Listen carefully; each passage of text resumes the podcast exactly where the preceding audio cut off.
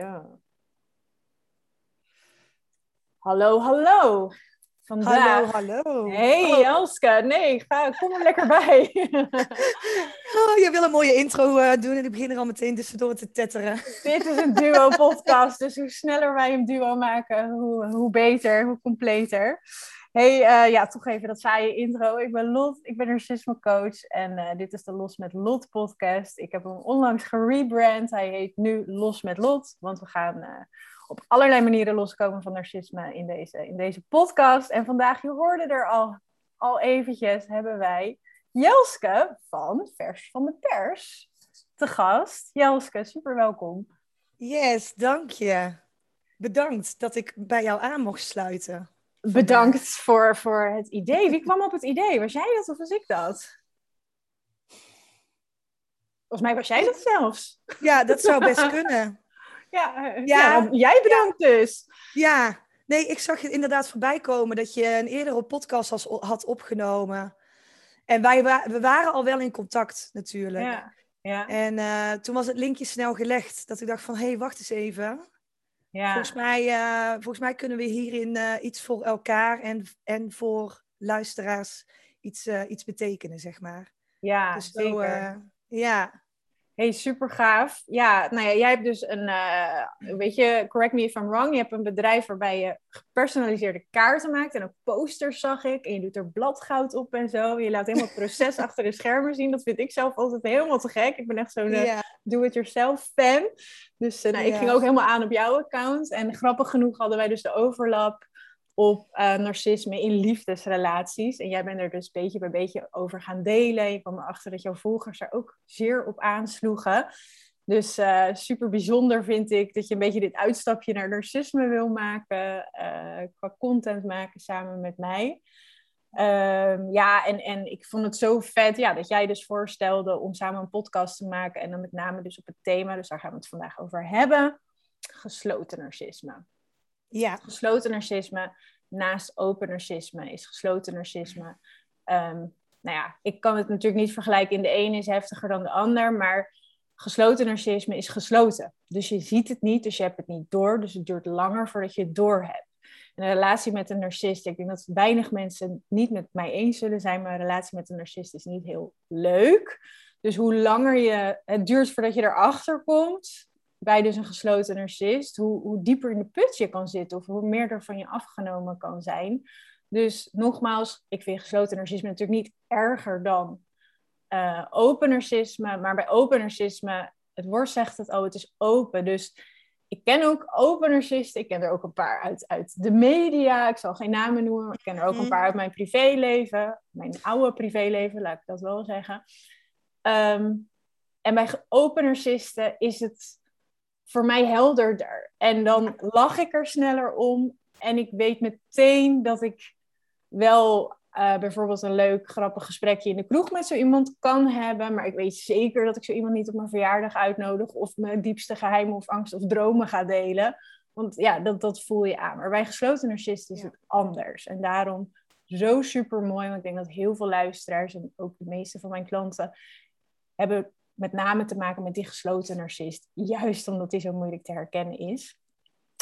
Um, dus dat is het thema voor vandaag. Um, ja, ik ben eigenlijk heel erg benieuwd, nou ja, een beetje naar jou en eigenlijk ook, wanneer was die relatie dan? En, en, en nou ja, we weten al heel veel wat we willen delen erover, maar ja, ja shoot, weet je, wat, wat was het ook ja. wat je er niet aan herkende in het begin en hoe, hoe ben je erin gekomen? Ja, nou misschien wel grappig om te, om Ehm, te melden, inderdaad, dat, dat stukje herkenning. Ik ben uh, opgeleid als dramatherapeut. Ik heb ook uh, ruim vier jaar als hulpverlener in een vrouwenopvang uh, gewerkt. Dus um, op professioneel vlak wist ik echt wel het een en ander over narcisme. Um, maar dus niet over gesloten narcisme. Ja. En doordat het zo lastig te herkennen is, is het daardoor ook heel lastig om te erkennen dat je in zo'n relatie hebt gezeten, noem het maar op. Dus um, daarom inderdaad denk ik heel erg goed dat we deze podcast maken. Um, de relatie waar ik het over heb is uh, begonnen in de zomer van 2018. Um, die heeft in totaal maar zeven maanden geduurd. Um, waarna hij het, uh, uh, hij beëindigde de relatie en liet mij echt uh, compleet verbrouwereerd achter. ik had totaal um, geen zicht op wat er nou eigenlijk was gebeurd. Het was van de een op de andere dag dat hij eigenlijk aangaf: hé, mijn gevoel voor jou wordt minder. ja, beetje deal with it. Um, daarna, nadat hij het eindigde, hebben we nog wel een half jaar ongeveer contact gehad via de telefoon. Ik heb hem niet meer gezien, omdat wij ook uh, verder uit elkaar wonen. Dus ik kwam hem ook niet zomaar tegen in, uh, in mijn leven. Um, en uiteindelijk heb ik na een half jaar zelf de keuze gemaakt destijds om het contact te eindigen, omdat ik, ik kon hem niet loslaten. Omdat hij um, uh, de deur op een kiertje hield.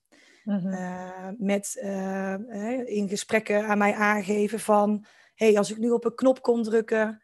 Uh, om te zorgen dat mijn gevoel voor jou weer terugkomt, dan zou ik het doen. En ik ben niet toe aan een relatie met iemand anders. Ik moet heel erg aan mezelf werken.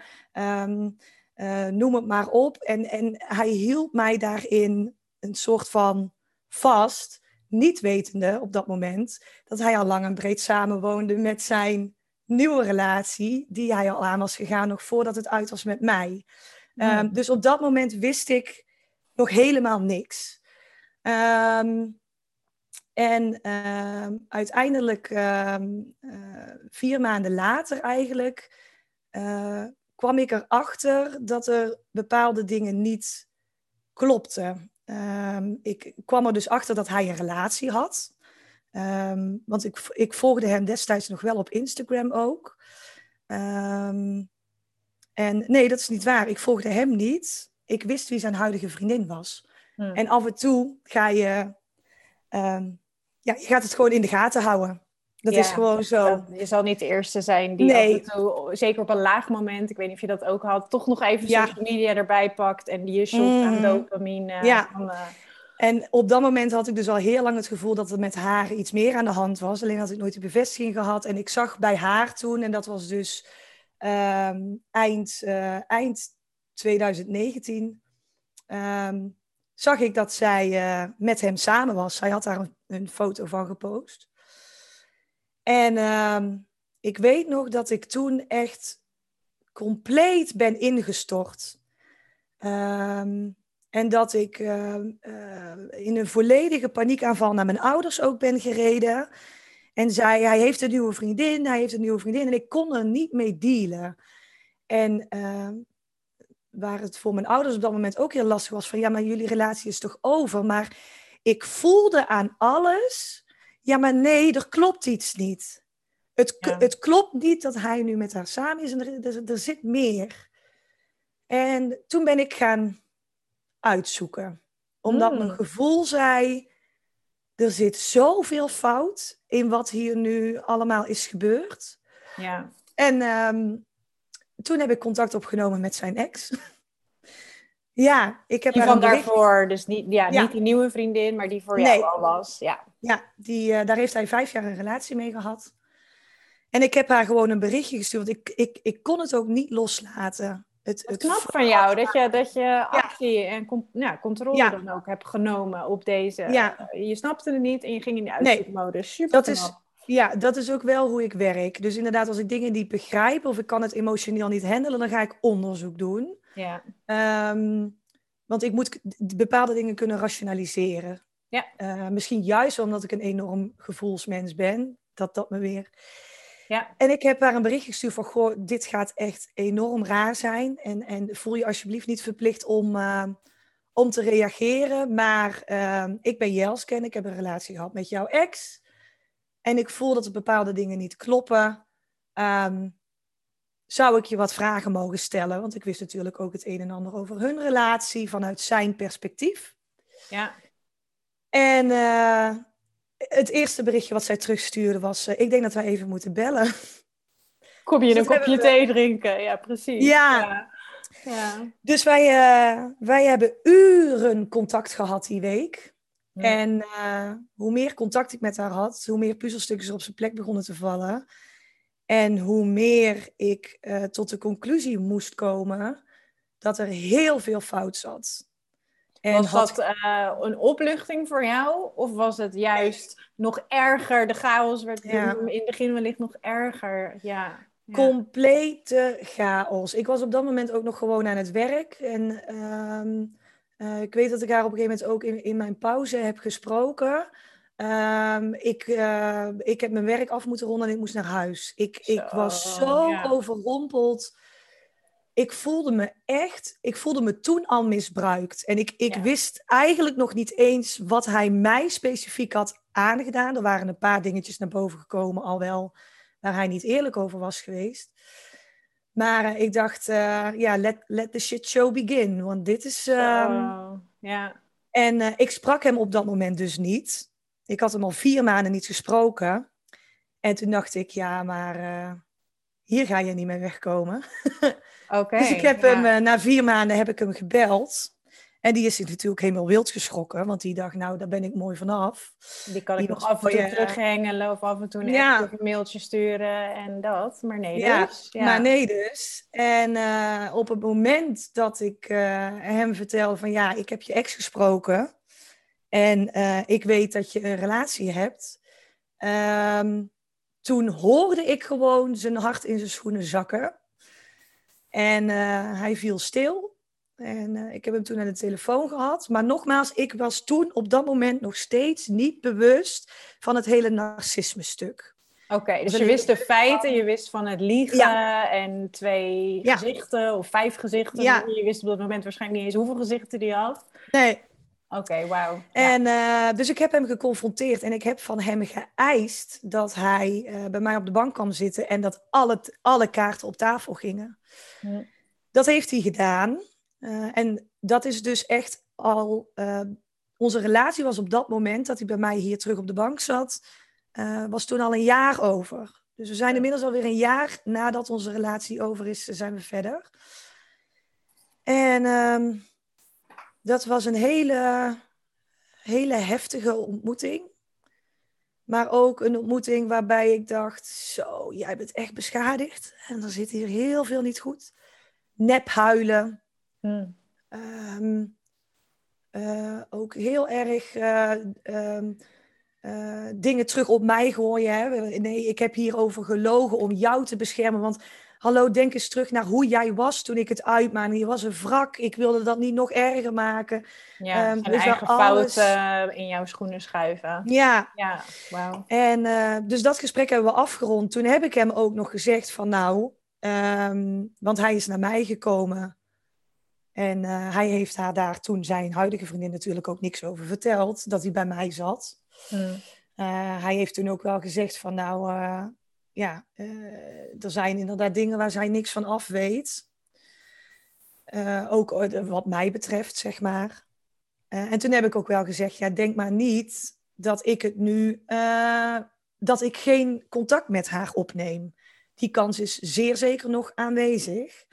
Maar ik zat nog zo in mijn gevoel voor hem. Ik hield nog zoveel van hem eigenlijk. Dat ik het, ehm, dat ik uiteindelijk ehm, hem nog wel weg heb laten komen met alles wat er op tafel kwam op dat moment. En ehm, eh, uiteindelijk is ons contact gestopt. Ik heb ook nooit de keuze gemaakt om contact op te nemen met zijn huidige vriendin. Um, maar ik. Uh, Wat vragen tussendoor? Ja, zeker. Wat was zeker. de reden daarvan dat je geen contact met haar opnam? Want eerst wilde je dat wel, je hebt dat ook tegen haar gezegd. Maar eh, wat zorgde er bij jou voor om dat dan niet te doen? Um, nou, op de eerste plek, ik ben toen echt gebroken. Uh-huh. Uh, dus ik, ik heb het gesprek met hem gehad.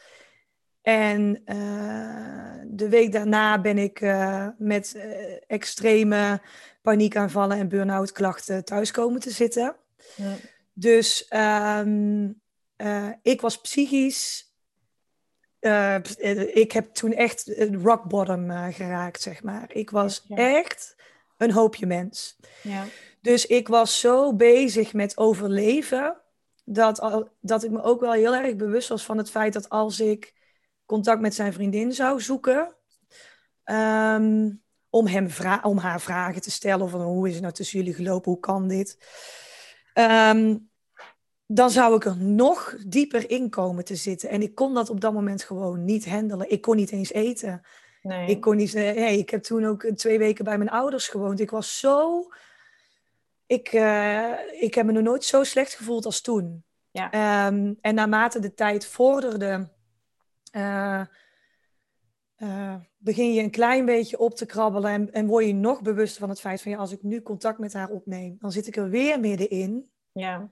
Uh, terwijl ik juist heel erg bezig was met mezelf rust geven en beter worden. Um, en daarna pas uh, ben ik um, ook opnieuw in therapie gegaan.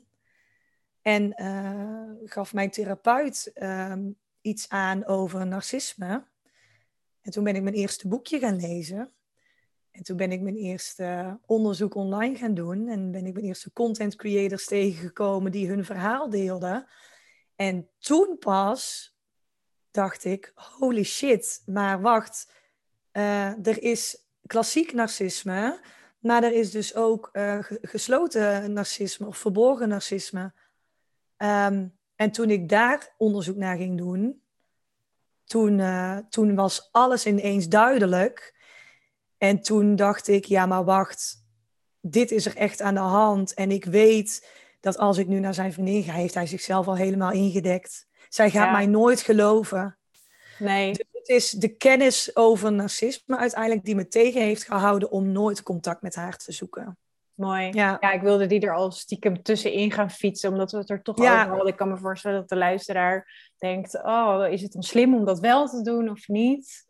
En je, je, komt, je zegt het nu zelf al, omdat je bent gaan inlezen over narcisme, kwam je erachter wat voor verhalen er juist gecreëerd worden over vriendinnen en ex-vriendinnen. En ja, hoe, hoe ik dat nu zeg, is je speelt alleen maar in die narrative. Weet je, hij heeft waarschijnlijk een beeld van jou geschetst dat je zielig bent of hopeloos of hem nog heel graag terug wil of hem niet uh, los kan laten. Psychische problemen hebt of drama queen of all of the above, hem niet los kan laten. Terwijl het andersom was, dat weten we allebei. Maar dat heeft hij niet gedaan. Hij heeft, hij heeft dat waarschijnlijk een verhaal over jou gecreëerd. En wanneer je dan die nieuwe vriendin gaat bellen en oh, en je moest dus weten wat hij deed en wanneer was hij dan bij jou? Op dat moment was hij nog bij mij. En dan gaat hij bijna alleen maar zo doen. Ja. Ik ben nu in mijn aan het wrijven. Ja. Uh, voor de luisteraars. Ja. um, van kijk, Jelske, en, en dit geldt ook voor mij. Hè. Ik, ik praat nu ook over wat mijn ex tegen zijn nieuwe vriendinnen zegt. Dus ook voor, voor Lot, maar ook Jelske. Kijk, wat een gekke meiden. En kan mij niet loslaten, precies wat je zegt. Kan mij niet loslaten. Ja. Dus en hou de eer aan al, jezelf. Uh, een, een oude ex-vriendin kan mhm. wel, is ook gevaarlijk. Want sommigen zitten nog steeds in die cyclus. Zijn nog steeds dol verliefd op hem. Omdat hij continu dus terugkomt, terugcirkelt naar die exen. Dus als je nog helemaal in je chaos en uh, PTSS, in je paniekaanvallen zit, mhm. kan een groot risico zijn om een ex van hem te contacten.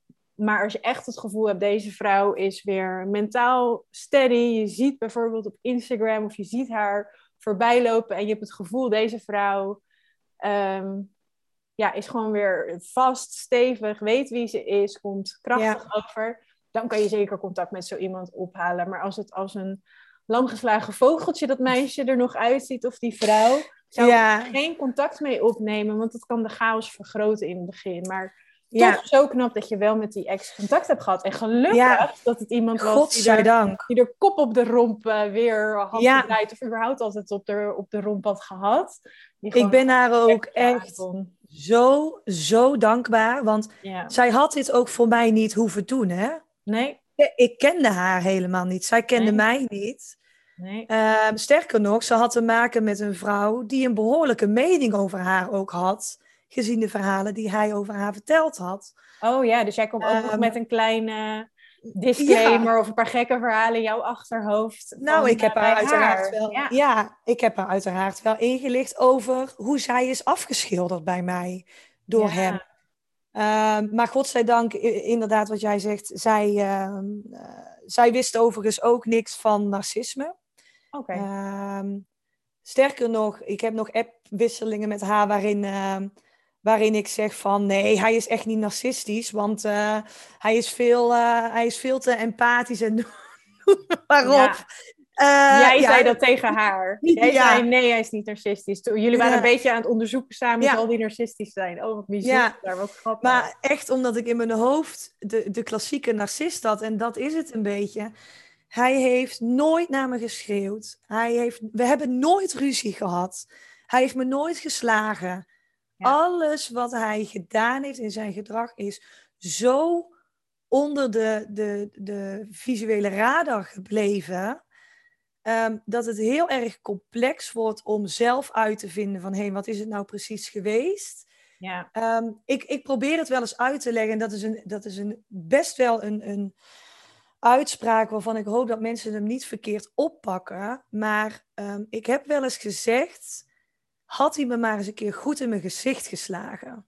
Ja. Want als je met zo'n verhaal naar iemand toe komt, dan begrijpt iedereen, oh, dit is een, een foute man en, en hij heeft uh, Jelske mishandeld. Ja. Dit is niet oké. Dat is zo crystal clear, zeg maar. Maar de dingen die hij heeft gedaan zijn zo lastig om zelf al te begrijpen, laat staan om uit te leggen aan je omgeving of aan mensen die nog nooit met narcisme te maken hebben gehad. Het is zo complex. Uh, waarmee je dus inderdaad ook absoluut niet wil zeggen dat het een al erger is dan het andere. Absoluut niet. Nee, het gaat er gewoon om dat eentje herkend wordt als mishandeling. En ja. Dat andere is meer sluimerend. Het is klein. Hoe ik het ook soms uitleg is Weet je, al zou je, jij noemde, we gaan straks, als, het, als jij dat ook oké vindt, even dat lijstje door van wat is het dan, dat sluimerende. Eentje daarvan de speldenprikjes. Weet je, al zou je één speldenprikje op, nou in jouw geval zeven maanden, in mijn geval meerdere jaren relatie, één speldenprikje hebben gehad, één zo'n opmerking van, schat, wat staat die jurkje? Of uh, jouw vriendinnen vinden je helemaal niet aardig. Als je er eentje zou hebben gehad in heel lang, zou niet erg zijn. Ik, weet je, iedereen heeft wel eens een slechte dag. Ik heb ook wel eens een botte opmerking gemaakt naar iemand. Kan gebeuren. Tuurlijk, ja. Maar bij narcisme is het zo, het zijn er tienduizend. Het zijn er zoveel. En al die kleine speldenprikjes bij elkaar opgeteld, weet je, is gewoon traumatisch. En ja. Ehm, het is bewezen, het is gewoon zo. En ik heb er last van gehad. Klinkt alsof jij er last van hebt gehad. Mijn klanten hebben er soms last van. Je kan er complex posttraumatische stress door krijgen. Hm, absoluut. Ja. Alles bij elkaar opgeteld is gewoon traumatisch, weet je. Niemand kan dat bij ons wegnemen dat dat niet zo is, want er is CT, CPTSS geconstateerd bij mensen die in een narcistische relatie uitkomen. En je kan ook posttraumatische stress krijgen van een, een aanslag of een mishandeling. Maar ook hiervan. En vergelijken heeft nooit zin. Het ene is nooit erger dan het ander. Nee, Het ligt ook helemaal aan de persoonlijkheid, hoe gevoelig je bent. Of je op dat moment in staat bent geweest om het te verwerken. Of je meteen een psycholoog hebt gehad. Of dat je een goede vriendin op dat moment had waar je het mee kon bespreken. Er zijn persoonlijkheidskenmerking. Ja, weet je, wat je de dag ervoor hebt gedaan, wat je de dag erna hebt gedaan. Zijn 180 variabelen die bepalen of iets traumatisch is of niet. Ja. Het, dezelfde situatie voor de een kan niet traumatisch zijn en de ander wel. Weet je, ook een vliegtuigcrash. Sommige mensen gaan prima door met hun leven. De ander is nooit meer dezelfde. Dus valt niet te vergelijken. Laat dat bovenop uh, voorop nee, staan. absoluut. Ja. Maar um, ja, dat sluimerende wat je zei. Als het één was geweest, was het oké, maar het gaat om het patroon. Het gaat om het continu. Het gaat om, nee, ik vind het ook wel eens een beetje alsof iemand de, de de stoelpoten onder je, onder je stoel aan het wegzagen is. En weet je, alle vier de poten worden gewoon uh, continu, gaat er wel even langs. Dus het, ja. het, is, het is substantieel niet per se doordat het ene ding nou zo heftig is, maar omdat het dagelijks continu sluimerend en ook vaak in een uh, progressieve manier. Het wordt steeds erger. Ja. Uh, ja, en in mijn geval ook echt op mijn voorgaande trauma's als ik kijk wat, um, wat voor mij nou precies het traumatische is geweest aan deze relatie, dat is voor mij niet het feit dat hij vreemd is gegaan of dat hij mij bedrogen heeft of uh, zelfs nog niet eens dat hij tegen mij heeft gelogen. Het traumatische voor mij is geweest dat hij mij heeft gemanipuleerd en een psychisch spel heeft gespeeld met alles wat ik in mijn kern ben. Dus dan heb ik het over mijn karakter.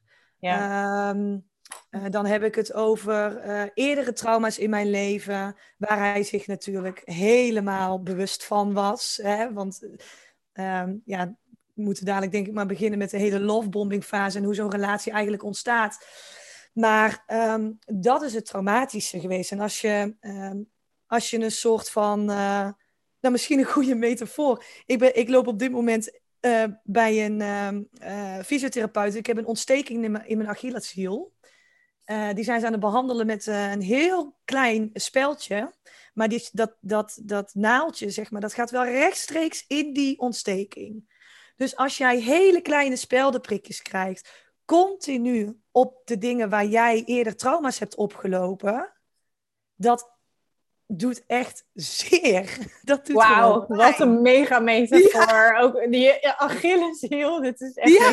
next level. Ja. zijn echt twee metaforen in één. Ja. Ja, nee, maar 100% waar. En dit is om jou te helen. Dus speldenprikjes kunnen ook de goede kant op gaan.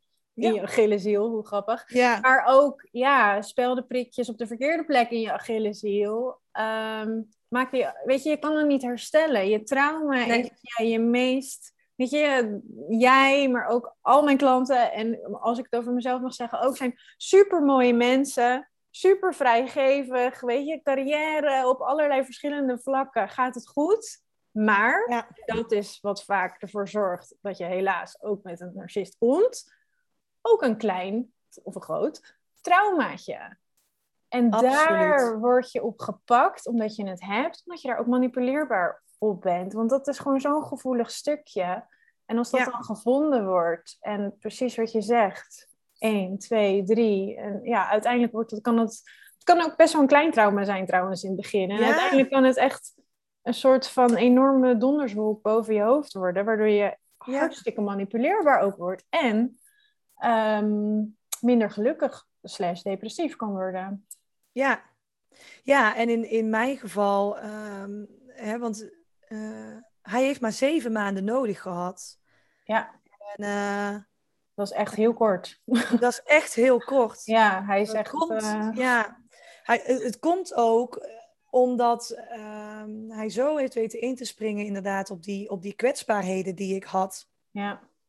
Um, dus um, ja, weet je, ik heb, uh, ik heb het uiteindelijk gewoon volle twee jaar in de, in de ziektewet gezeten hierdoor. Uh, ik denk alles bij elkaar anderhalf jaar therapie, waarvan uh, negen EMDR-sessies bij een uh, gespecialiseerd therapeut op het gebied van narcisme. Wauw. Ehm, dus ik ben echt through hell, and back gegaan om dit ja. te werken. Oh my ehm, god. Ja, dus het, het, kan. Het kan in zo'n korte tijd. En ik, weet je, ik, ik vind mezelf een intelligente vrouw. Ik, ik ben hulpverlener van beroep. Ik heb letterlijk met vrouwen gewerkt die in dit soort relaties hebben gezeten. Ja. Toch, weet je wel, dus ik, ik denk dat het ook wel een belangrijke boodschap is voor vrouwen of mannen, uiteraard ook, die dit meemaken. Um, het is zo geraffineerd hoe gesloten narcisme te werk gaan, uh, dat daar, daar kun je, hoe intelligent je ook bent, uh, daar kun je bijna niet tegen opvechten. En daarom is kennis zo belangrijk. Want je zag het naar, op het moment dat jij kennis had. Ja. En daarom doen we deze podcast ook. Omdat als je het kan herkennen, dan is het nou ja, relatief makkelijk te herkennen. Weet je, jij had al door dat, dat er een gek verhaal over exen werd verteld. Je had al door dat er gelogen werd. Ja. Er rijdt nu iets voorbij eh, een uh, schoonmaakmachine in mijn straat. Ik hoop niet dat je dat hoort. Ik hoor niks. Dus, oh, top. Mooi.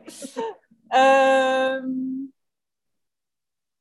en omdat je het verhaal of het label narcisme of de omschrijving van gesloten narcisme nog niet had, heb je nog die wisselwerking, die dialoog met die ex van hem gehad. Van nee, hij zal toch geen narcist zijn, want hij heeft me niet geslagen. Dus ja, zo ja, belangrijk dat hier kennis over naar boven komt. Ja. ja. Ja, precies. En als je dan eenmaal die kennis hebt, ja, dan kun je, ik kon mijn hele relatie koppelen. Ja. Alles. Ja. Alles, alle fases, de, zijn gedrag, mijn gedrag, uh, hè, uh, hoe, de manier waarop het effect op mij heeft gehad. Want op een gegeven moment las ik dus ook dat er uh, het grote deel er inderdaad pas achter komt wanneer de, de relatie al lang over is. Ja. de burn-out klachten zijn zo ehm, veel voorkomend bij, bij slachtoffers van narcisme. Ja. Dus inderdaad, ik begon ook dingen bij mezelf te herkennen, waardoor ik dit kon constateren, zeg maar. Dus burn-out, uh, wat nog meer? Um, depressieve klachten, ja. flinke paniekaanvallen. Ja. Um, uh, nachtmerries. Oh, ik heb nachtmerries gehad. Ik heb hem zelfs ooit um, uh, een aantal weken na ons gesprek. Ik heb hem gewoon in mijn slaap geappt. Uh, en, en, bijna een soort, als je nu leest het ook gewoon een soort van dronkenmans-appje. Nu ben ik wel een onrustig slaap, dus ik ben wel ge, uh, bekend met praten in mijn slaap en slaapwandelen, dat soort dingen. Ja. Um, maar dit had zo'n dagelijks effect op mij. Um, letterlijk overgeven ook. Als Ja. ik ergens achter kwam. Ja. Letterlijk ziek worden, mijn lijf. systeem werd er ziek van. Ja. Ja, ja. Dus de- de- heel heftig. Ja. Oké, dus je bent twee jaar in de ziektewet geweest. Ja. Eh, ik hoor nou, om het beestje een naam te geven, complex posttraumatische stressklachten. Dus eh, nachtmerries, overgeven, eh, zelfs hem appen. Dus nou ja, het is niet een psychose, maar je gewoon even echt buiten jezelf zijn. Dat je ook niet meer Ja. dingen, dingen kan her- herinneren. Trouwens, allemaal heel herkenbaar voor mij, ook allemaal last van gehad. Hoe lang hebben die klachten geduurd? En je hebt EMDR gehad. Ik kan me zo voorstellen dat dat een mega boost aan jouw herstel heeft gegeven. Wat nog meer? Hoe kan je je progressie een beetje met ons meenemen in, in ook tijdslijnen van hoe snel ging het alweer beter met jou en je posttraumatische stressklachten? Ehm, niet snel genoeg. Nee, Het, nooit. eh, het- nee, er, er, kwam helaas een, een, een eh, andere factor nog bij. Ik kwam in de ziektewet en al heel snel werd het contact met mijn werk ehm, vervelend. Oh, Ehm, eh, en, en ook traumatisch. Dus ehm, eh, ik kwam daardoor ook nog eens daarin in een heel lastige periode te zitten. En ehm, dat had ook weer zo'n effect op mij dat dat eventjes bovenaan kwam te liggen. Dus ik ben in maart 2020 ben ik de ziektewet ingegaan. In december eh, 2020 was ik er pas aan toe om, om echt het gesprek met mijn werk aan te gaan over wat daar nou eigenlijk allemaal verkeerd is gegaan. Toen was die last van mijn schouders. En toen kwam ik zelf pas toe aan de echte reden waarom ik eigenlijk de ziektewet eh, in was beland, zeg maar. Ehm, want toen dacht mijn hoofd blijkbaar, nee, ja mooi, dit heb je nou opgelost, maar wacht eens even, want daar ligt nog een hele stapel. Dus toen heb ik een flinke terugval gehad. Uh, dus dan hebben we begin, uh, begin 2021. En uh, ik had toen al wel therapie gevolgd. Toen is mijn ex ook wel een paar keer ter sprake gekomen, maar ik merkte bij die reguliere psycholoog dat zij gewoon te weinig kennis had over narcisme. Um, ik voelde me daardoor ook niet altijd heel serieus genomen. Um, dus um, ik had voor mezelf al bedacht, hey, dit is wat er aan de hand is geweest. En ik had inmiddels al heel veel kennis opgedaan. En uh, toen ben ik eigenlijk gaan googlen, want wat ik wilde was, ik, ik was eigenlijk op zoek naar een praatgroep. Ik wilde met andere mensen praten over narcisme, met name ook over gesloten narcisme, zodat ik, ik was zo op zoek naar die erkenning. Ja. Van Jelske, je hebt dit meegemaakt en er is jou iets aangedaan. Want ik had natuurlijk een hele periode in een modus gestaan waarvan ik mezelf de schuld gaf. Ik gaf mezelf ja. de schuld van het mislukken van onze relatie. He, daar wist hij ook precies de pijnpunten te leggen. Het komt doordat jij zus en zus en zo doet. Ja. Um, daar, daar, was ik ook al voor in therapie geweest. Um, en uh, dus ik wilde een praatgroep. Nou, die kon ik niet vinden, maar toen stuitte ik wel op een krantenartikel uh, van een, uh, een therapeute in Wateringen. Met als kop, mensen komen uit heel Nederland naar haar. Ja. vanwege haar expertise op narcistisch gebied. Ja. En ehm, ik heb haar website bezocht. Ik heb een, een, mailtje gestuurd van luister, dit is waar, waar ik mee zit. En er zit zoveel wat ik hierin nog moet verwerken. Maar ik heb iemand nodig met kennis op dit vlak. En die ook snapt wat ik bedoel als ik een bepaalde situatie probeer uit te leggen. Zij heeft mij teruggebeld de volgende dag. Ik heb drie kwartier met haar aan de telefoon gehangen. En in die drie kwartier had zij al vijf dingen gezegd die voor mij zulke eye-openers waren. En ik voelde me zo begrepen. Zij had aan een half zinnetje had zij genoeg om de situatie te begrijpen en ook nog de situatie een stukje voor mij verder te schetsen. Mooi. Ehm, dus toen ben ik, um, ja, ik denk ongeveer in maart, maart 2021 begonnen met een uh, uh, traject bij haar. Dus dat was uh, ja, om de week anderhalf uur heen en anderhalf uur terugrijden naar Wateringen. Ja. En bij haar in therapie. Um, vooral ook EMDR dus. Um, en later ook wel volgens mij heet het TTR, TTM, het trillen van je benen, waarbij, waarbij ze echt kijken naar hoe het trauma in je lijf zit. Want bij mij uiten het trauma zich ook heel erg lijfelijk. Ja. Um, hartkloppingen, uh, um, tintelende armen en benen, uh, ja. dat soort dingen. En um, bij haar heb ik ook uh, Oh, ik, dit blijft voor mij emotioneel iets om te zeggen. Ehm, ik nam mezelf nooit serieus in mijn trauma's. Ja. Want ik ben een heel krachtig persoon, dat ben ik ook. Ik ben heel outgoing. En, um, en ik heb in mijn leven behoorlijk wat traumatische dingen meegemaakt, maar ik vond het allemaal meevallen. Dus er zijn altijd mensen die het erger hebben gehad. En tijdens onze laatste sessie um, pakte zij een, een blad. En zij had een soort van woordenweb gemaakt. Met alles wat ik bij haar had aangegeven. En met lijnen ertussen. En, en zij zei tegen mij: Jelske, ik doe dit werk al 30 jaar. En ik heb nog nooit iemand gehad met zo complex trauma. En toen, hmm. begon ik, toen moest ik, ik lachte haar een beetje uit. Ik zeg, nou, ze had er wel mee van. En toen zei ze, ja, maar jij haalt twee dingen door elkaar. Je haalt complex trauma door elkaar met, met uh, hoe ernstig een gebeurtenis is. Nee, jij hebt geen bijna doodervaring. Nee, je bent niet zwaar fysiek mishandeld. Je bent niet seksueel misbruikt.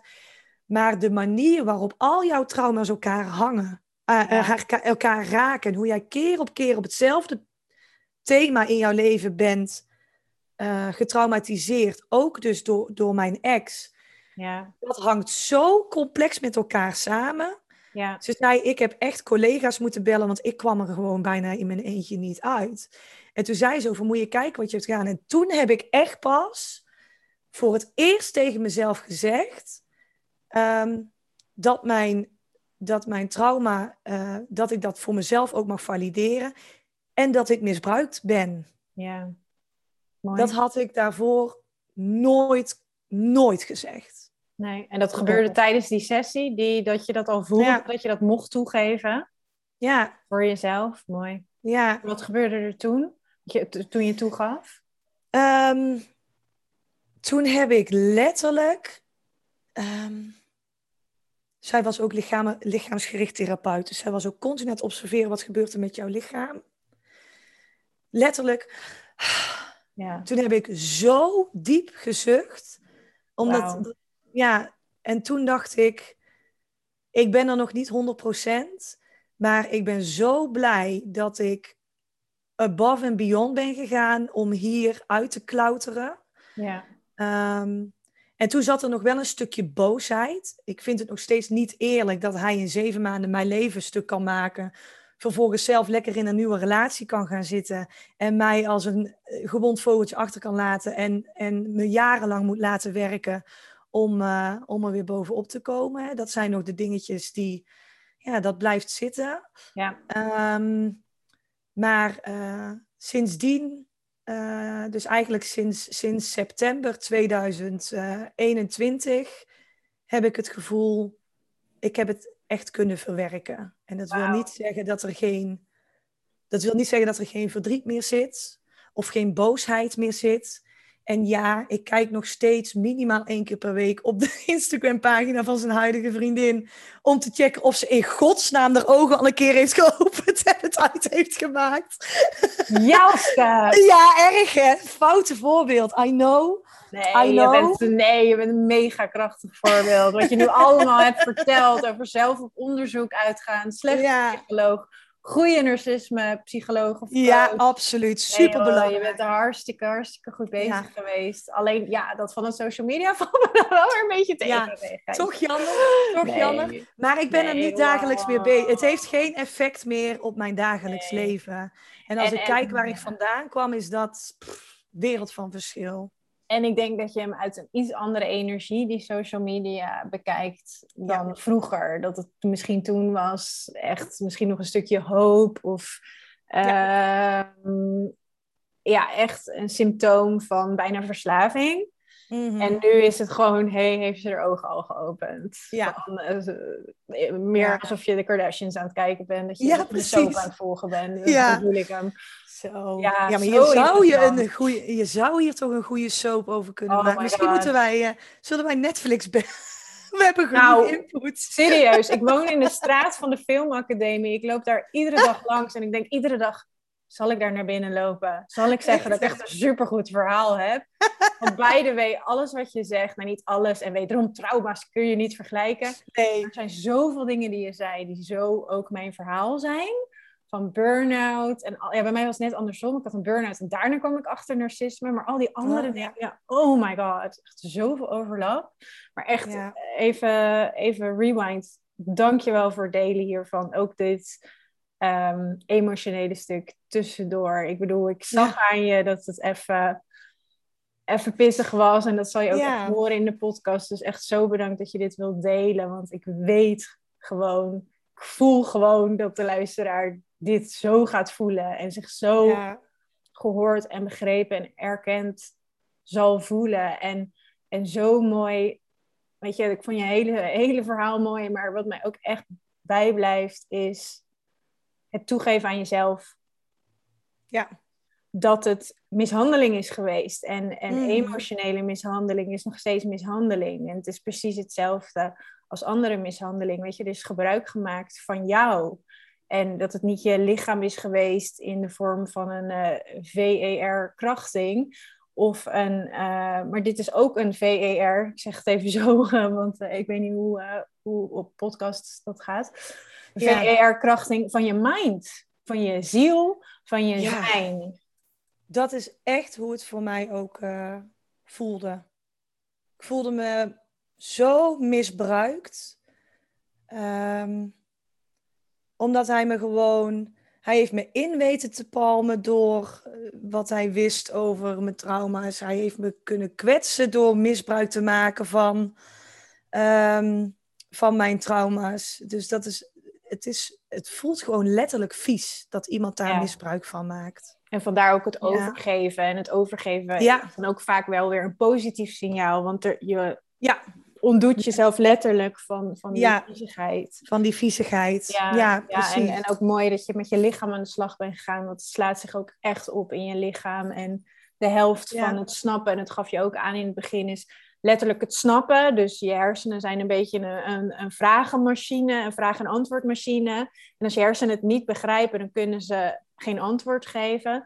Dus dan zal je op Google, heb jij ook gedaan, uh, of via een narcisme coach of een Instagram of een TikTok account erachter komen, oh ja, narcisme. En dan kan, kunnen je hersenen, dat is vraag- en antwoordmachine, die kan er eindelijk wat van breien. Dus dan zijn je hersenen blij. Maar dan ook, ten tweede, is het gewoon, het is gewoon opgeslagen in je, in je lichaam. Je lichaam hebben ook grijze hersencellen. Dat is ook allemaal bewezen. Trauma slaat zich ook op uh, in je lichaam. En zo mooi dat je ook met je lichaam aan de slag bent gegaan om, om dit ja uit je hele systeem te krijgen. Ja, ja, ja het was nodig. Het was echt nodig om dat te doen. Dus um, ja, het zat hem ook heel erg. Ik merkte ook uh, van hé, hey, het gaat beter met me. Op het moment dat ik niet meer zo op zoek was naar uh, herkenningspunten. Of uh, ik ben zo, um, nou, ik wil niet zeggen obsessief. Maar ik ben heel lang zo op zoek geweest naar die, naar die validatie van klopt het hoe ik er nu naar kijk. Ehm, ehm, je moet denk ik dingen ook niet kapot rationaliseren. Maar wat mijn ervaring wel heel erg is geweest, is dat kennis is macht. En als ik, ehm, als ik nooit het eerste contact met zijn ex had gehad, als ik nooit die uh, psycholoog had gehad die toch even het onderwerp narcisme aanstipte, als ik nooit die boeken had gelezen die ik heb gelezen, ja. Uh, als ik nooit um, mensen zoals jou tegen was gekomen op Instagram, noem het maar op, dan had ik nooit deze conclusie getrokken en had ik mezelf tot op de dag van vandaag nog de schuld gegeven van het feit dat die relatie is mislukt. Ja, ja. Ja, en dan kan je niet verwerken en dan kan je hem ook niet zien voor wat hij is. En nee. dan uh, laten we daar straks misschien ook naartoe gaan, naar een nieuwe gezonde relatie. Dan kan je ook niet een nieuwe gezonde relatie herkennen. Want als je niet weet wat er mis is gegaan, of wat er nee. narcistisch of toxisch, of hoe je het ook wil noemen, manipulatief, emotionele mishandeling, wat er giftig aan was, dan kan je dat niet verwerken, kan je, kan je dat ook niet labelen. Je hersenen labelen dat als van oké, dat wil ik niet. En dan dus bepalen wat wil ik wel. En ook als je het niet kan labelen, kun je het ook niet verwerken. Dus je hersenen kunnen ook niks verwerken waar een groot vraagteken boven staat. Dus zo belangrijk om een gedeelte van je proces wel in de, de theorie of de kennis te gaan. Super mooi ook dat je dat zegt, kennis is macht. En wat je ook aanstipt, wil ik ook nog even herhalen, want die vind ik ook heel belangrijk, is blijf er niet in hangen. Nee. Weet je, je kan ook, en dat is echt een risico, dus in het begin is het echt zinvol om op kennis te investeren en daarna in je lichaam. En daarna mag je langzaam los gaan laten. Ook het stukje kennis. Je zal nooit van A tot Z het helemaal begrijpen. Je zal nooit die 100% aantikken van ik snap deze persoon nu echt. Dus laat dat geen doel op zich worden.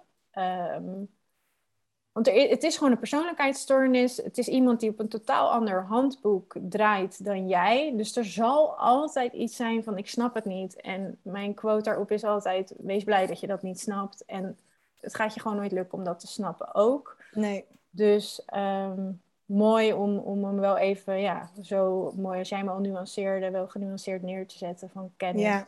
Zo belangrijk. En herkenning. Ik denk dat dat ook echt, dat hoor ik ook een beetje uit jouw verhaal, dat is echt een katalysator geweest van, oké, ik ben niet gek. Ik en iemand kan het proces aan mij laten zien. Dat zei volgens mij ook over die psycholoog. Zij, zij, zij kon herkenning geven, erkenning, maar ook, oké, je zit nu in die fase. En dan komt die fase. En dan komt die fase. Zo fijn. Ja. Zo fijn. Uh, en en um, ik denk dat je dat ook niet mag vergeten. Het is gewoon een feit dat wanneer iemand zelf nooit te maken heeft gehad met narcisme, uh, of bewust, die, die ga je daarin ook niet kunnen ondersteunen. En dat is heel vervelend, want ik heb in mijn omgeving niet tot nauwelijks mensen die, die het hebben ervaren. Godzijdank voor hun. Maar betekent ook dat het wel heel erg. Uh, dat je, het kan soms voelen dat je er best wel een beetje alleen voor staat. Dus zoek inderdaad de juiste mensen op. Zoek een therapeut die gespecialiseerd is op dit gebied. Um, um, ga het gesprek aan met anderen die, uh, waarvan je weet van hé, hey, die heeft daar ook in gezeten. Want het is zo fijn uh, om die erkenning te krijgen. Want die heb je die hele relatie niet gehad. Nee, dat ook nog eens. Je bent ook niet erkend tijdens de relatie als jouw eigen persoon. Dan kom je erachter dat er iets heftigs is gebeurd. Dan krijg je daar ook geen erkenning op. Dus dat kan trauma op trauma weer zijn. Zeker een slechte psycholoog of een slechte coach of hulpverlener, anyone, zonder specifieke kennis van narcisme, kan retraumatiserend werken. Ja. Zorg echt dat die eerste psycholoog of therapeut die, uh, waar je mee aan de slag gaat, weet je, iedereen heeft intakegesprekken of kennismakingsgesprekken. Toets even of er echt kennis is van narcisme. En ook al heb je een verkeerde te pakken en je hebt drie sessies gehad en je komt er dan achter, stop er meteen mee. Want ik ben persoonlijk drie maanden blijven hangen bij iemand zonder specifieke kennis van narcisme. Dat, die drie maanden heb ik stilgestaan en ik ben eigenlijk geretraumatiseerd. Hoe lang ben jij bij de psycholoog geweest? Uh, die er niet specifieke kennis van had? Acht maanden, denk ik. Oh jeetje. Ja, dus we gingen, nou, dan moet ik wel, dan moet ik wel bij zeggen dat, dat ik toen natuurlijk ook wel heel erg in de fase zat eh, met het dealen met wat er op mijn werk gebeurde. Oké, dus dat, dat wel, daar was deze ehm, persoon wel nuttig voor. Da daar was deze persoon uh, nuttig genoeg voor. Kijk, mijn uh, risico is altijd een beetje geweest als je zelf therapeutisch bent opgeleid. Ik ben heel erg goed in dingen uitleggen.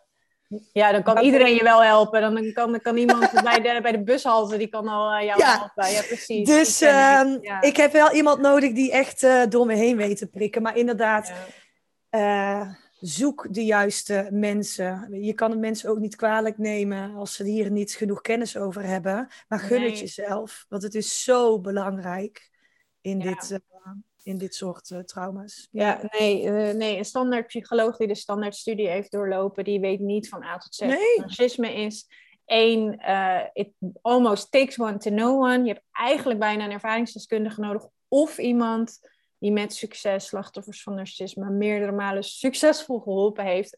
Ja. En de meest ideale combi is beide natuurlijk. Iemand die het en zelf heeft meegemaakt en die succesvol track record heeft om mensen te helpen loskomen van narcisme, mentaal, fysiek, emotioneel, energetisch, financieel, anything. ja, precies. Um, laten we richting het eind gaan. Um, zou jij, ik weet niet, heb je die uh, mail voor je met de puntjes die voor jou mm -hmm. uh, gesloten narcistisch misbruik waren? Zou je die, nou ja, ja. Nog even op willen noemen? Hoeven niet ja, zeker. Nou, um... we hoeven er niet super lang op in te gaan, nee. maar gewoon bijna Nee, nou, wat, wat, wat, wat al heel erg herkenbaar was, uh, was um, uh, dat uh, de eerste date was al meteen heel intensief. En daar hebben we ook al meteen hele diepgaande gesprekken gehad. Dus als het gaat over die lovebombing phase die is zeker net zo aanwezig als bij, uh, als, als, bij klassiek narcisme. Alleen die gaat volgens mij nog meer op het emotionele stuk zitten. Hm, ja. Dus wij konden elkaar helemaal vinden in waar we mee bezig waren. En zelfontwikkeling. En, en uh, hij vertelde zijn uh, jeugdtrauma's, ik de mijne. Um, wat ook een interessante daarin is, en waarin ik echt met grote spijt mijn intuïtie heb genegeerd, is dat hij tijdens onze tweede date vertelde van... Uh, hey, ik heb in het verleden problemen gehad met liegen. Dat ik vroeg, nou, wat voor liegen, wat voor leugens vertelde hij dan? Ja, echt vanuit onzekerheid. Dan zei ik bijvoorbeeld dat ik uh, in een band gitaar had gespeeld, uh, maar ik heb nog nooit een gitaar in mijn handen gehad. Mm. Um, en ik, ik voelde toen letterlijk een baksteen in mijn maag. En ik heb dat gewoon genegeerd, want dan komt je ratio erbij. En die zei eigenlijk tegen me van, nou, als iemand zo kwetsbaar durft te zijn op de tweede date, nou, dan moet het wel een hele zelfontwikkelende, de zelfontwikkelde man zijn. Hè? Dus, dus daar, daar zit het al heel erg. Um, ja. spelde, en, die, en die speldenprikkers tussendoor. Ja, die kleine dingetjes die je onzeker maken. Dus uh, hè, ik had wat verliefdheidskilootjes erbij gekregen. Dus dan, uh, als we dan aan het eten waren, dan, uh, dan zei hij op een hele lieve manier: Oh, wat ben je toch een veelvraatje. Om vervolgens wel, uh, wel te benoemen dat ik toch wel wat kilo's aangekomen was. Ja. Uh, um, hij heeft ook uh, in het bijzijn van zijn zusje. Uh, op een gegeven moment kwam er een gesprek en zei hij van ja, maar ik heb jou nooit officieel verkering gevraagd, dus we hebben toch geen relatie. Dat ik dacht, hè? Maar ja. ook gewoon naast me heen laten schieten. Um, het, um, ja, vooral ook het. het um, goh, ik ben nu. Er zijn zoveel dingen dat ik denk van wat vind ik nou echt het belangrijkste? Ja, hoe hij over zijn ex praat. Ja. Inderdaad. En uh, uh, dat, dat vind ik ook wel een heel groot um, signaal. Um, het liegen. En dit is een heel mooi. Dit noem ik altijd als een heel concreet voorbeeld. Als je kijkt naar mijn trauma. Hoe hij daar misbruik van heeft gemaakt. Ik had nog nooit een, een, een, een volwassen relatie gehad mijn ervaring met mannen was al niet goed. Dus ik was zo blij en gelukkig dat er eindelijk iemand was die voor mij ging. Ja. Dat liet hij ook extreem merken. Maar uh, ik wilde dus ook kosten wat het kost voorkomen dat ik ooit de zeurende vriendin zou zijn. Ja. Um, dus ik vond het heel erg moeilijk om mijn behoeftes en, en, en, en mijn wensen naar hem uit te spreken. Mag ik wat vragen? Ja, primede die jou ook in het begin? Zo van, ik had toen een zeurende vriendin. In de zin van, werd ja. eigenlijk op een subtiele manier verteld van... Nou Jouske, dit mag je dus echt never nooit gaan doen. Ja, ja zij was echt ja. de, het, het grootste zijkwijf wat je op de hele aarde tegen kon komen. Ja. Ja. Dat is ze dus absoluut niet. Nee, nee maar dat is, dat is de manier in die lovebombing, in die eerste fase, om jou te vormen, als het ware. Van, denk maar niet dat je dit gaat doen, want dat deed mijn ex. En dat vond ik het allerergste van mijn ex. Ja. Ja, ik wilde kosten wat kost niet zeuren. Maar dat betekende ook dat mijn behoeftes dat het totaal niet doordeden. Dus hij, hij werkte in het weekend in een kroeg naast zijn fulltime baan. Wij woonden ver uit elkaar, dus wij waren afhankelijk van de weekenden. Uh, hij zat ook zwaar in de schulden. Achteraf veel meer dan dat ik me op dat moment bewust van was. Nog een signaal. Ehm, maar in ieder geval, uh, op een gegeven moment heb, ik aangekaart van ja, goh, maar we hebben een relatie. Het is toch helemaal niet raar dat ik jou elk weekend wil zien. En wat hij dan deed, dan, ehm, dan had hij op zaterdag had hij gewerkt in de kroeg. En dan reed hij midden in de nacht nog naar, naar mij thuis om bij mij in bed te kruipen. Dan kwam hij om zes uur s ochtends dus nog naast me liggen. Om vervolgens op zondagavond weer weg te gaan. Dus toen ik aangaf van ja, maar kun je niet wat minder vaak in het weekend gaan werken? Dat dit is waar wij afhankelijk van zijn van die tijd. Dan zei hij, ja maar hallo, zie jij niet wat ik voor jou over heb? Na een hele nacht werken rij ik bijna een uur helemaal naar jou toe. Oh, om nog de tijd die ik heb met jou door te brengen. Hoe durf jij mij te vragen? Ja, jeetje. Dank mij op je blote knietjes. Dank ja. ja, en hetzelfde met social media, weet je. Hij heeft mij echt verborgen gehouden. Dus ik mocht hem niet taggen op, op Facebook. Um, reacties onder zijn uh, uh, nieuwe profielfoto waren door vast een uh, technische storing verdwenen. Op een gegeven moment was ik aan het einde was ik geblokkeerd op Instagram. Daar heeft hij nog heel lang zijn ex de schuld van gegeven, want die zou hem gehackt hebben. Later heeft hij dus toegegeven dat hij wel degene was die mij geblokkeerd had. Maar hij heeft me dus heel erg uh, weggehouden ook van zijn leven. Dus als ik dan zeg, ja. ja, maar ik kan toch ook naar de kroeg komen als jij aan het werk bent? Nee, dat vind ik niet prettig. Ik vind het niet fijn dat er iemand voor mij zit als ik moet werken. Nee, jouw collega's weten niet dat jij een relatie hebt. En ondertussen ben jij jouw huidige vriendin daar ook tegengekomen. Ja, um, dus hij wilde single zijn naar een heel groot ja. gedeelte van zijn uh, privé ja. En ook gewoon vreemd gegaan. Want ik, ik kwam er later dus achter dat hij echt niet elk weekend in de kroeg aan het werken was. Maar dan was hij... Uh, um, ja, het had geen, je hoeft me vanavond niet te appen hoor, schat. Want ik ben aan het werk of ik ben aan het studeren. Nee, jij, bent, uh, jij ligt met een andere vrouw in bed of je bent bij je ex op bezoek waarvan je nog, dat tegen je nog niet hebt verteld dat je een nieuwe vriendin hebt. Ja. Um, ja, ik zou het nooit in mijn hoofd halen ook om mensen te wantrouwen. Dat zit niet in mijn aard. Ik, ben heel, ik heb heel veel vertrouwen in de, in de medemens. Ja, en ja, weet je wat ook vaak gebeurt? Projectie. Iedereen project, projecteert zichzelf op een ander. Dus als je zelf nooit vreemd zou gaan of zelf dat nooit zou doen, je verwacht het niet bij een ander. Daarom is een narcist altijd heel jaloers en mag je niet de kroeg in en een leuk jurkje aan.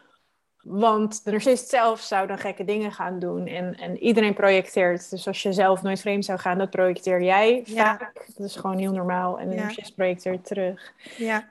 Oké, hey, um, je zou nooit iemand wantrouwen. Hoe is het nu?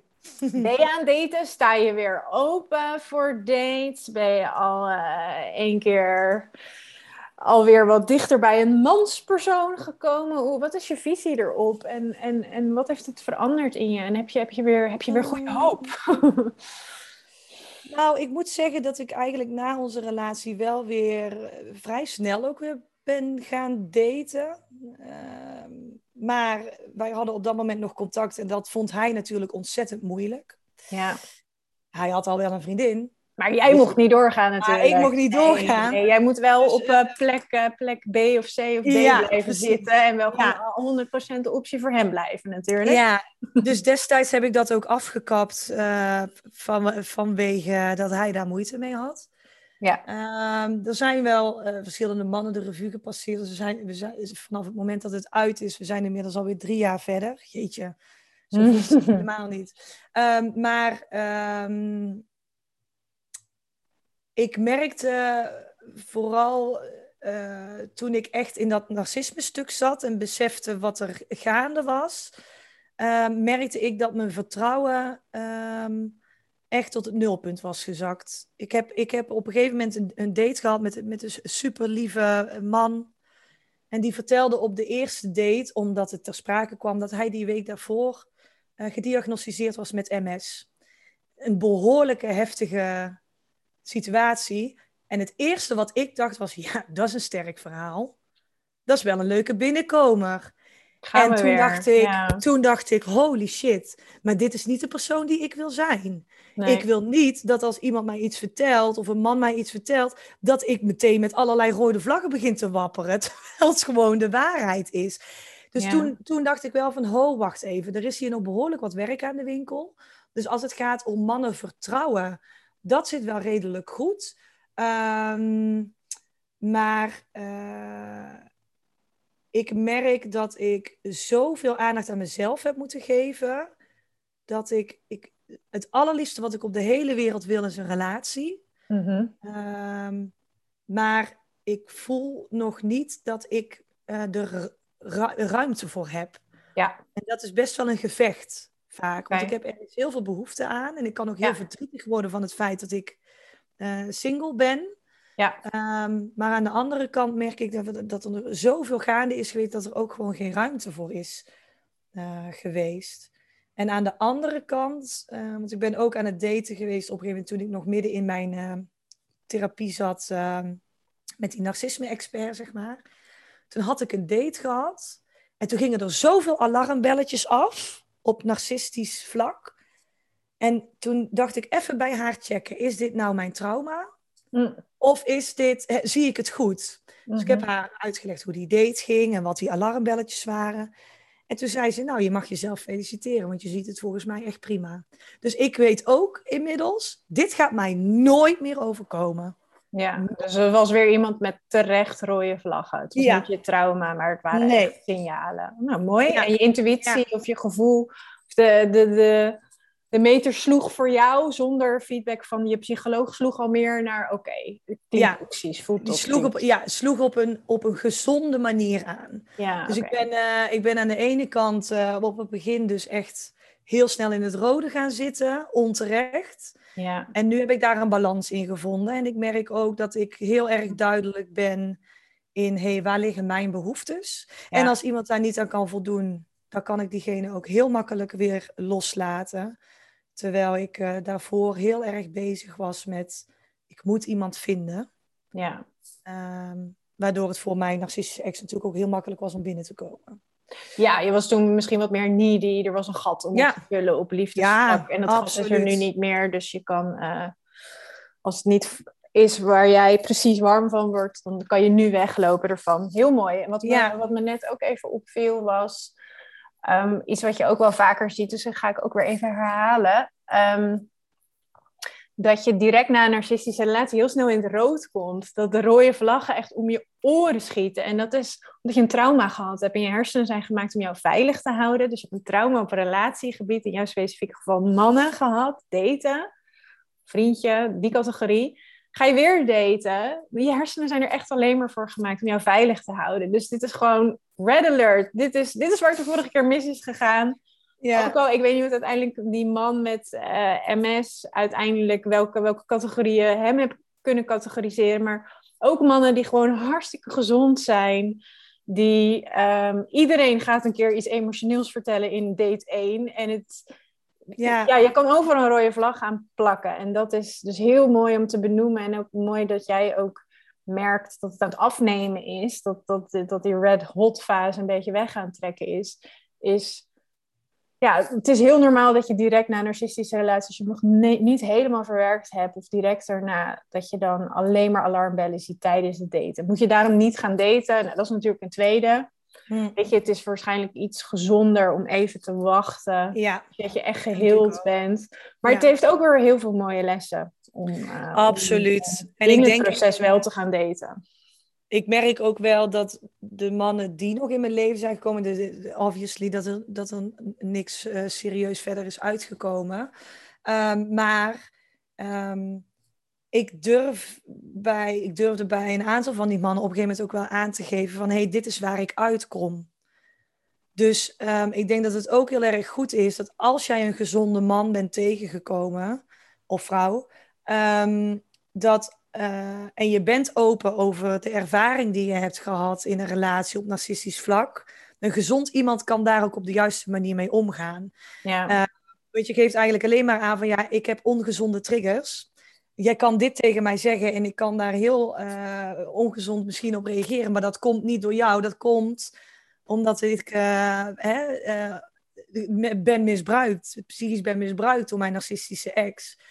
Dus ik denk dat het ook goed is om daar, als je die veiligheid voelt, dat is wel een hele belangrijke natuurlijk, dat je daar ook gewoon open over bent.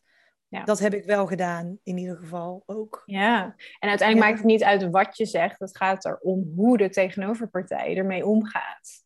Ja. Weet je? En kijk altijd naar acties, niet naar woorden. Als iemand zegt, oh, ja. wat zielig voor je en ik vind het zo sneu. Maar de volgende keer komt er zo'n speldenprikje op je Achilleshiel. Dan weet je, hm, deze persoon gaat er niet heel netjes mee om. Ja. Of, oh, wat heftig voor je. En de volgende keer wordt er heel voorzichtig omgegaan met dat thema. En misschien ja, uh, wordt er juist alsof je een, uh, ja, nou ja, alsof je handle with care hebt, weet je wel. Dat er even op dat thema even wat voorzichtiger wordt gedaan. Even ja. gedubbelcheckt, vind je het oké als ik dit doe? Of hoe voel je je hier nu over? Want de vorige keer zei je dit en dat en dat. Ja, en ja dan, eh, dan kan je zien aan gedrag van... oké, deze persoon is capabel om er netjes mee om te gaan. En, ja, precies. Uh, dat is ook een stukje die erkenning die je jezelf dus mag geven. Ja, ja. Ik bedoel, heel veel mensen zijn tegen stempels, maar uh, het heeft mij heel erg geholpen. Om te kunnen zeggen, yo, er is iemand geweest die mij is getraumatiseerd. En uh, als jij daar uh, niet mee om kan gaan, ja, dan ben je niet de juiste persoon voor mij. Ja, ja. Sterk. Je moet, ja, je moet er ook niet alles vanaf laten hangen. Nee, en ik zou het ook niet in de eerste vijf minuten... Uh-oh. Oh, mijn telefoon. ik, werd, ik werd gebeld. En die oh. is gekoppeld aan mijn laptop. Dus uh, dat ging even fout. Maar uh, nee, daar moet, daar moet een balans in zijn, zeg maar. Ja, nee, niet in de eerste vijf minuten zeggen: Hoi, ik, hoi, ik ben nee. Jels Ken, ik ben getraumatiseerd. Maar supergoed om dat wel te delen, gaande. Ja. En vooral nogmaals te letten op de reactie van de ander.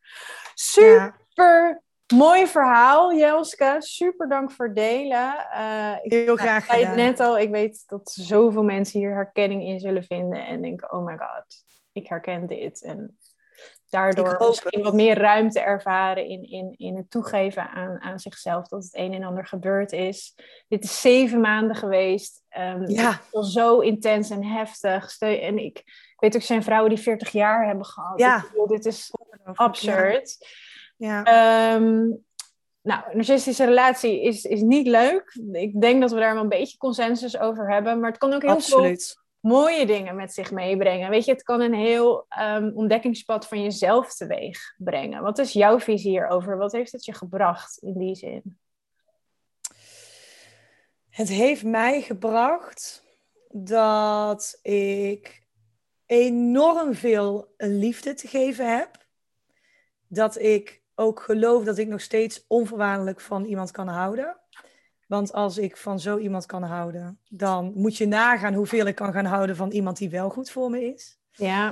Um, het heeft me geleerd dat ik mezelf serieus mag nemen in, uh, in hoe ik me voel.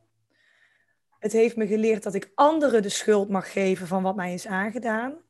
In plaats van zelf overal de verantwoordelijkheid over te pakken. Um, en ik denk het allerbelangrijkste wat ik hieruit heb geleerd. En wat ik ook echt zo voel, want er is iets wat je. Er zit voor mij een verschil tussen wat je tegen jezelf kan zeggen. Maar wat ik, wat ik echt voel, is dat ik 100% zeker weet dat mijn volgende relatie, met wie het ook gaat zijn en wanneer die ook gaat komen, ik ga aangeven waar mijn behoeftes liggen. En uh, ik weet dat die belangrijk zijn. Ik ga niet meer op ijsschalen lopen. Als ik dingen niet prettig vind, dan zeg ik dat. Als ik bepaalde dingen mis, dan zeg ik dat. Um, en uh, ik weet dat er ook heel veel situaties zijn waarbij mensen die uit een narcistische relatie komen, toch weer ook in een situatie komen waarbij ze wel weer in, een narcistische relatie komen. Um, misschien ben ik dan one of the lucky few die dat gevoel niet heeft. Um, want ik, ja, dit, dit gaat bij mij niet meer gebeuren. Ik heb het zo helder ja. nu voor ogen hoe het werkt. Ja. Um, en dat komt ook omdat ik ook echt dat is ook een belangrijk ding. Ik heb ook heel kritisch naar mezelf gekeken in deze hele weg. Ja.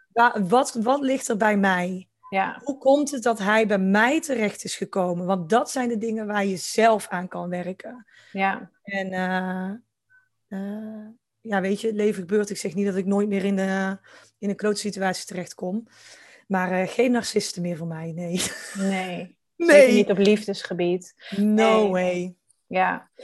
Nee, en daar hadden we het voor deze podcast ook even over. Van joh, hebben we het nou over onze ex of over jouw ex of hebben we het over onszelf? En uiteindelijk gaat het natuurlijk over onszelf. Absoluut. Weet je, ook, ook misschien denken van, oh, er zitten twee vrouwen te zeuren over hun mm. relatie. Het gaat niet over de ander. Nee. Het gaat over jezelf. Het gaat over jij die ook rode vlaggen heeft gemist wellicht. Die ja. Achilles hiel had, die niet doorhad dat die Achilles tegen er gebruikt werd die intuïtie uh, achter slot heeft, heeft gedaan. Ja, en ook gewoon rode vlaggen heel bewust aan de kant heb geschoven. Want nee, dat kan niet. Iemand kan niet zo zijn. Iemand kan zo wel zijn. Ja. En ik ben dan degene geweest die te goed geweest is van vertrouwen. Ja. En, ja. Uh, ja. je mag voorzichtig met jezelf zijn. Zeker.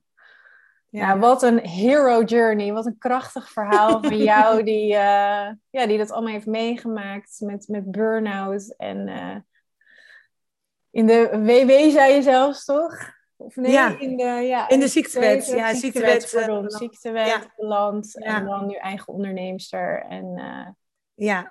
niet meer vanuit die niet op zoek naar nee. een man. Dus echt, ja, chapeau. Um, als je de tijd terug kon draaien, had je hem liever wel of niet tegengekomen? Oh, dat is een tricky question. Um,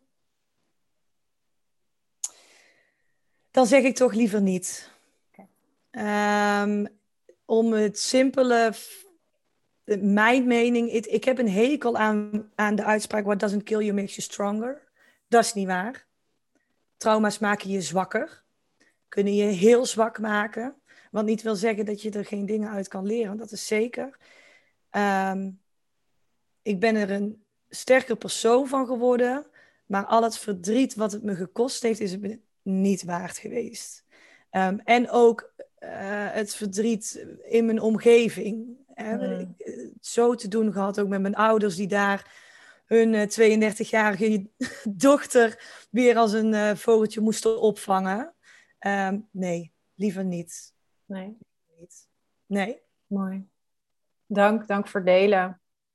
Dank voor je super openhartige verhaal. Um, volgens mij uh, weet de luisteraar ongeveer nu wel wat gesloten narcisme uh, is. Ik hoop het. Ja, ik hoop het echt. Dat is het allerbelangrijkste. Ja, en, en oh ja, één puntje was... Um, ik denk dat dat ook wel het grootste verschil tussen gesloten en open narcist. Een gesloten narcist toont heel veel emotie in het begin. En het doet fijnst heel erg veel emoties. Dus het kan juist als een zeer gevoelig en ook een beetje slachtofferig persoon overkomen. Waar een open narcist is meer grotesk en kijk mij en ik ben het beste van de wereld. En zie je in een strak pak en glad gekamd haar. En in een dikke vette BMW of Tesla of whatever. Maar een gesloten narcist is meer de, de slachtoffer, zielig, heel emotie. Meer ook soms zelfs spiritueel, wederom geveinsd spiritueel, geveinsd gevoelig. En uh, dat is dus een mooi herkenningspunt voor een uh, gesloten narcist. En nogmaals, er, en wat je ook zei, er hoeft dus geen fysieke mishandeling aan de pas te komen. Nee. nee. Hey, super bedankt. Zijn er nog dingen die je wilt delen of vragen aan mij? Of nog een laatste tip? Um, hele belangrijke tip. Heb ik ooit, eh, eh, deze vraag heb ik ooit gekregen van een volger die reageerde op mijn, uh, mijn verhaal. En dat is ook iets waar ik zelf nog wel eens mee zit. Wat kun je het beste doen als je als outsider ziet dat een goede vriend of vriendin in een narcistische relatie zit? Al dan niet gesloten of klassiek. Um, want ik kan dat puntje wel bekijken vanuit uh, degene die in zo'n relatie zit. En wat ik had gedaan, denk ik, als mijn vrienden het zouden zeggen. Maar ik denk dat dat nog wel een hele goede zou zijn. Want als je weet wat het is, dan zie je het overal. Mm. En voel je heel erg de niet om iemand daarin te beschermen. Maar ik ben heel erg benieuwd wat jouw idee daarover is. Ehm, oké, dus je ziet bij een vriendin of een collega, zij of hij zit in een relatie met iemand waarvan jij voelt of denkt of weet dat het een narcist is. Ja.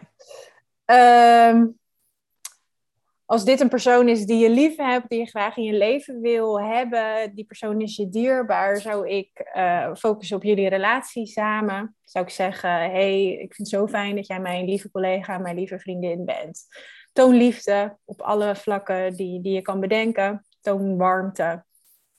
Toon dat je er voor die persoon bent. Twee, ehm, ken je eigen grenzen met die persoon, in relatie tot die persoon. Um, het kan heel pijnlijk zijn om iemand die je lief hebt te zien in zo'n relatie. Zoals je zelf weet, het kan een beetje een verslaving zijn. Je ziet het in het begin niet. Je bent misschien ook een beetje needy. Je wil graag om de een of andere reden heel graag met die persoon in een relatie zijn. Dus die persoon zal concessies doen om de relatie te blijven behouden. En als jij ziet dat het een toxische situatie is, kan het als vriendin heel, heel pijnlijk zijn. Um, dus boundaries, boundaries, boundaries. Spreek wel af. Maar als het de vijfde keer gaat, oh ja, en hij ging weer vreemd, of hij kwam vannacht weer niet thuis, of hij uh, vond me weer te emotioneel, of we hebben weer ruzie gehad, of gesprekken tot drie uur in de nacht gehad, kan je op den deur zeggen, schat, ik vind het echt heel erg dat jij, noem ook diens eigen verantwoordelijkheid, dat jij dit toelaat. Ik vind het echt heel jammer dat, om te zien dat zo'n mooi, lief, capabel, slim mens dit toelaat. En, en vandaag heb ik er misschien ook even geen, geen emotionele ruimte voor. Ehm, kunnen we het hebben over iets anders? Want, want ik, ik heb niet het gevoel dat ik je hier ook bij kan helpen. Um, dus ken je boundaries. En twee, moet je het gaan, of drie, moet je het gaan vertellen. Um, hey, deze persoon is narcist hier is geen uh, harde yes or no antwoord. Mijn advies, mijn algemene advies, maar het ligt echt wel aan de situatie, maar mijn algemene advies is: als je echt dat gevoel hebt, benoem het één keer en daarna nooit meer. Ja. Ja. En misschien maak het specifiek. Ja, en op gedrag, hè, weet je. Ja, zie dat hij of zij dit doet. weet je, hij is narcist. Eh, volgens mij heeft dat nog nooit geholpen. Want narcist, daar hangt zo een enorme gekke waas omheen. Dus um, bij de meeste mensen gaat dan al uh, computer says no op error van narcist. Nee, dat kan niet, dat kan niet. Out of the question. Dus zeg, hey, uh, het lijkt alsof je gemanipuleerd wordt. hey, zijn woorden komen niet echt overeen met zijn daden. Precies. Hey, ja gebeurt dat nou alweer? Maar ja, dat, dat weet je, dat, dat zou ik ook niet al te lang rekken, want dan blijft dat topic, weet je. Het gaat uiteindelijk om de persoon zelf. Je bent ook geen coach, je bent geen psycholoog van die persoon. Het enige wat je kan doen is boundaries en, en aangeven, joh, jij bent een volwassen persoon. Jij maakt je eigen beslissingen. Jij hebt ultimately um, te zeggen over wat je accepteert in jouw leven. En dat kan je blijven benoemen. En uh, ja, het, het, kan, het kan heel lang duren, zo'n narcistische relatie. En als je dat van de zijlijn bij een vriendin ziet, is echt heel pijnlijk en heel heftig. En uh, wat ik dan eigenlijk altijd zeg, is zorg vooral heel goed voor jezelf dan. Ja, goeie. En weet ook dat die persoon, zeker als je het één keer hebt gezegd van... hé, hey, nou, zou die niet narcist zijn? Of zij... Um, die persoon, die vriendin van jou, die weet onderbewust al lang dat jij dat denkt. Dat zij het nog niet toegeeft is een tweede. Maar ze weet wel dat op het moment dat zij de stekker eruit trekt, dat ze bij jou terecht kan, omdat jij het ook al lang wist. Dus weet dat. Maar ga niet blijven hameren op hij is narcist, hij is narcist, hij is narcist. Dan heb je ook nog eens het risico dat iemand volledig bij je wegdrijft. Ja. Omdat op dat moment behoud van de relatie boven anything else staat. Ja, en je wil er juist kunnen zijn voor diegene wanneer die relatie misschien wel een keertje klapt. Ja, en dat kan je ook letterlijk zeggen. Weet dat ik er voor je ben. Ja. Uh, als je voor jezelf kiest of als je. Dat kan je ook letterlijk zeggen. En die kleine zinnetjes slaat zo iemand donders goed op. Wat die persoon ermee doet in jaar 1, 2, 3 is een, is een derde of een vierde. Maar uh, die dingen worden opgeslagen en uh, die zijn heel belangrijk. Ja. ja. Goeie. Hey, uh, super bedankt Jelske. We kunnen nog 100 miljoen jaar doorpraten. Volgens Heel mij gaan we nog een episode over lovebombing opnemen. En ja. weet ik veel wat. Nou, wellicht to be continued. Oh, echt. Ja.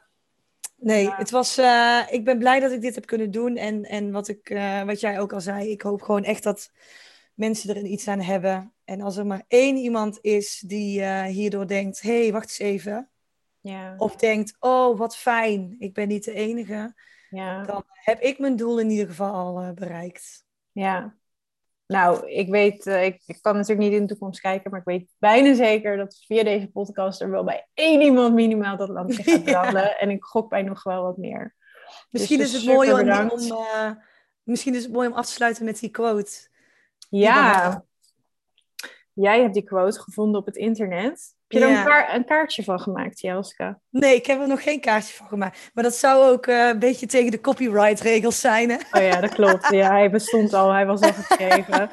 Is vertalen niet voldoende dan? Nee, geintje. Nee. Ja.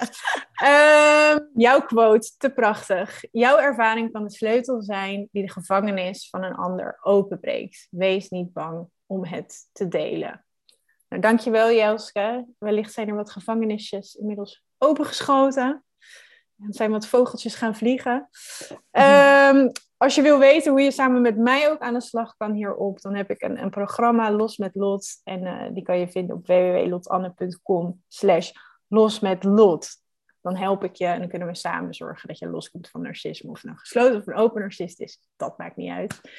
Jelske, super bedankt voor je eerlijke verhaal. Um, we gaan hem afsluiten heel erg bedankt en, eh, en, en nog een hele fijne dag. En bedankt voor het luisteren allemaal.